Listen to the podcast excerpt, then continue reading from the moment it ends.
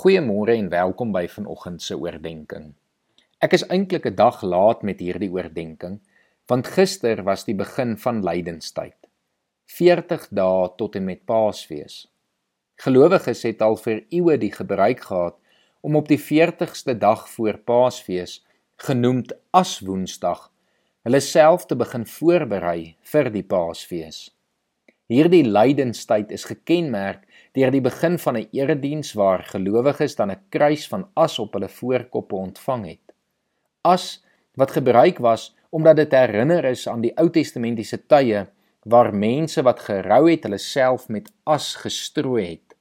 Dit is waar ons die Afrikaanse spreekwoord in sak en as geërf het. Lydenstyd is dus eintlik in ons kerklike jaar se kalender 'n tyd van rou. Rou oor wat ons verlosser Jesus Christus alles moes deurgaan vir ons verlossing. Maar dit is ook 'n tyd van rou oor ons huidige gebroke wêreld. Ons kan maar net die nuus opskrifte die laaste week dophou om te weet ons wêreld is nog baie gebroke. Ons kan maar net in ons eie dorpe rond beweeg om te weet alles is nog nie reg nie. Maar Al is ons nou in 'n tyd van rou, weet ons ook waarop dit uitloop. Ons weet dit loop uit op Jesus wat die dood oorwin en wat vir ons die ewige lewe en ewige redding moontlik maak. Ek wil jou nooi om in die volgende ruk en die volgende 40 dae in 'n staat van kontras te leef waar jy aan die een kant rou oor die gebrokenheid rondom jou maar aan die ander kant hoopvol uitsien na die ewige verlossing van die skepping waar jy aan die een kant die gebrokenheid raak sien maar aan die ander kant ook doelbewus werk om dit te herstel waar ons aan die een kant rou oor wat Jesus alles moes deurgaan maar aan die ander kant ook verbly oor wat sy verwerping vir ons beteken het. Ek sluit vanoggend af deur vir ons Johannes 1 vers 1 tot 13 wat so iets hiervan verwoord voor te lees. In die begin was die woord daar en die woord was by God en die woord was self God. Hy was reeds in die begin by God. Alles het deur hom tot stand gekom. Ja, nie 'n enkele ding wat bestaan het sonder hom tot stand gekom nie. In hom was daar lewe en die lewe was die lig vir die mense. Die lig skyn in die duisternis.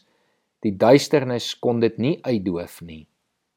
Daar was 'n man wat deur God gestuur is. Sy naam was Johannes. Hy het gekom om te getuig. Hy moes getuig van die lig sodat almal deur hom tot geloof kon kom. Hy was self nie die lig nie, maar hy moes van die lig getuig. Die ware lig wat elke mens verlig, was aan die kom na die wêreld toe. Hy was in die wêreld, Die wêreld het deur hom tot stand gekom en tog het die wêreld hom nie erken nie. Hy het na sy eiendom toe gekom en tog het sy eie mense hom nie aangeneem nie.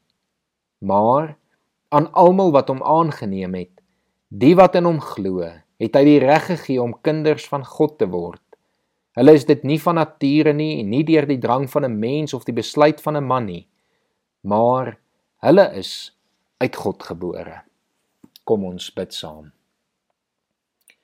Here, dankie dat ons ook in hierdie volgende paar weke kan nadink oor die lyding wat U moes deurgaan. Here, dat U as verlosser na hierdie wêreld toe gekom het en dat die wêreld U verwerp het.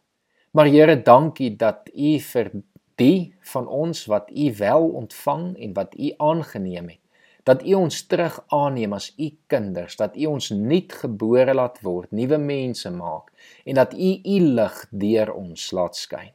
Here, help ons ook in hierdie volgende paar weke waar ons bewus is van die gebrokenheid rondom ons om ook deur die U Gees gelei te word om te herstel daar waar ons kan.